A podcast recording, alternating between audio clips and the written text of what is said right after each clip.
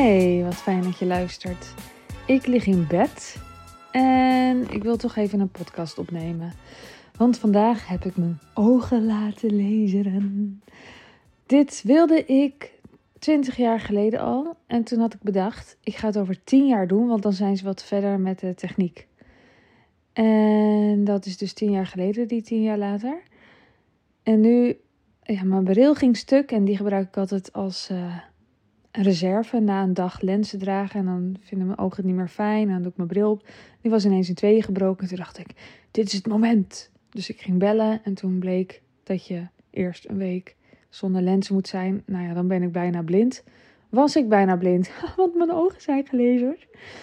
Dus toen, uh, ja, toen ging ik maar uh, uh, een nieuwe bril regelen.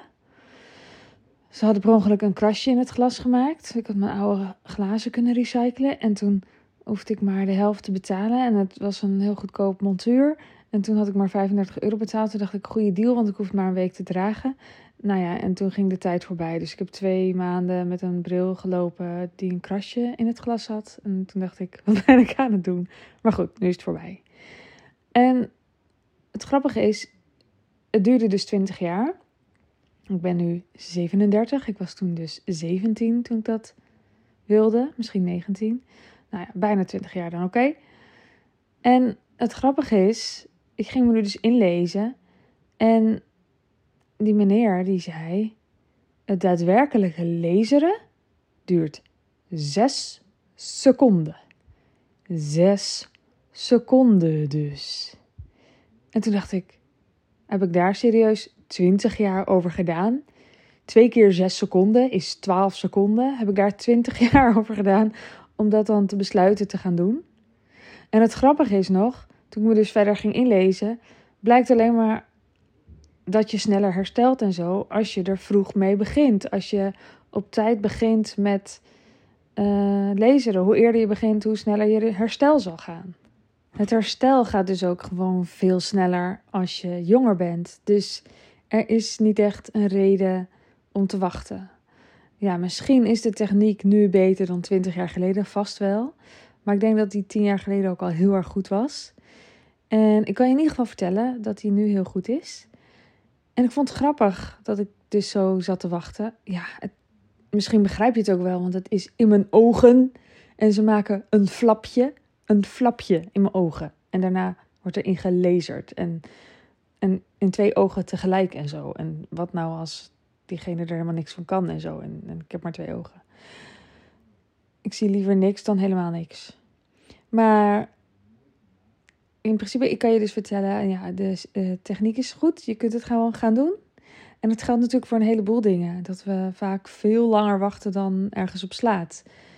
En zeker als je iets spannend vindt of ergens tegenop kijkt. Um, ik heb het idee, mijn ervaring is dat zeker als je even ondernemingstechnisch kijkt, ondernemerstechnisch kijkt, maar ook gewoon in het leven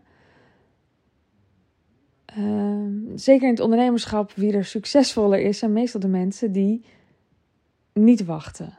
Soms wel eventjes, soms moet je eventjes wachten of, of broeden op een plannetje en iets laten rijpen.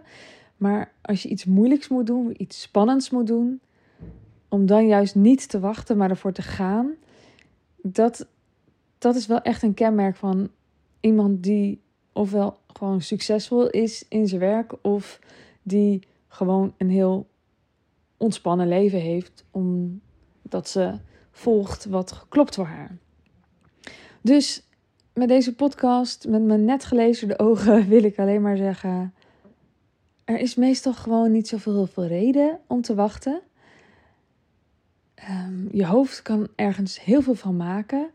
Er kan altijd een beter moment komen, maar wat nou als je het sneller doet?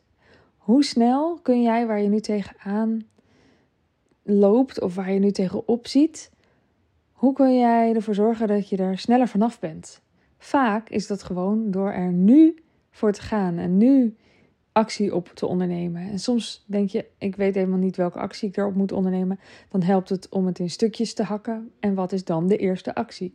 En als je er dan nog niet uitkomt, raad ik je aan, ga in gesprek. Ga in gesprek met iemand. Want juist in een gesprek kom je tot nieuwe inzichten. En dat kunnen heel veel mensen zijn. Gewoon iemand die niks van het onderwerp weet ook.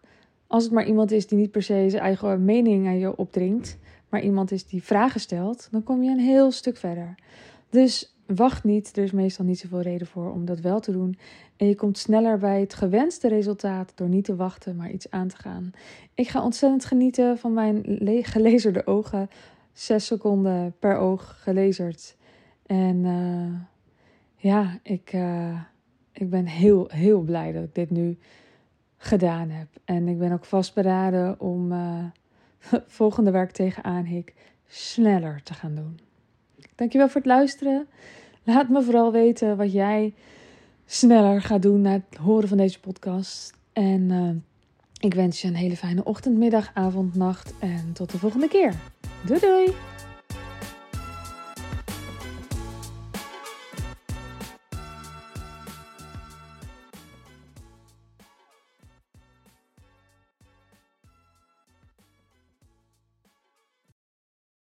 Wil jij bouwen aan 10 keer meer eigenaarschap over je leven? Wil je dat door middel van zelfvoorzienend leven in het kleinste zin van het woord, ondernemerschap en persoonlijk leiderschap? Kom dan bij Community Leven in Vrijheid, waarin een hele groep wilde mensen is die hier ook mee bezig zijn, die dit ook willen en die heel graag met je willen uitwisselen over moestuinieren, over grootse plannen, over hun eigen bedrijf opbouwen, over allerlei aspecten die allemaal samen zorgen voor een, een leven buiten de logge systemen. Ga naar wildemens.nl als je erbij wilt.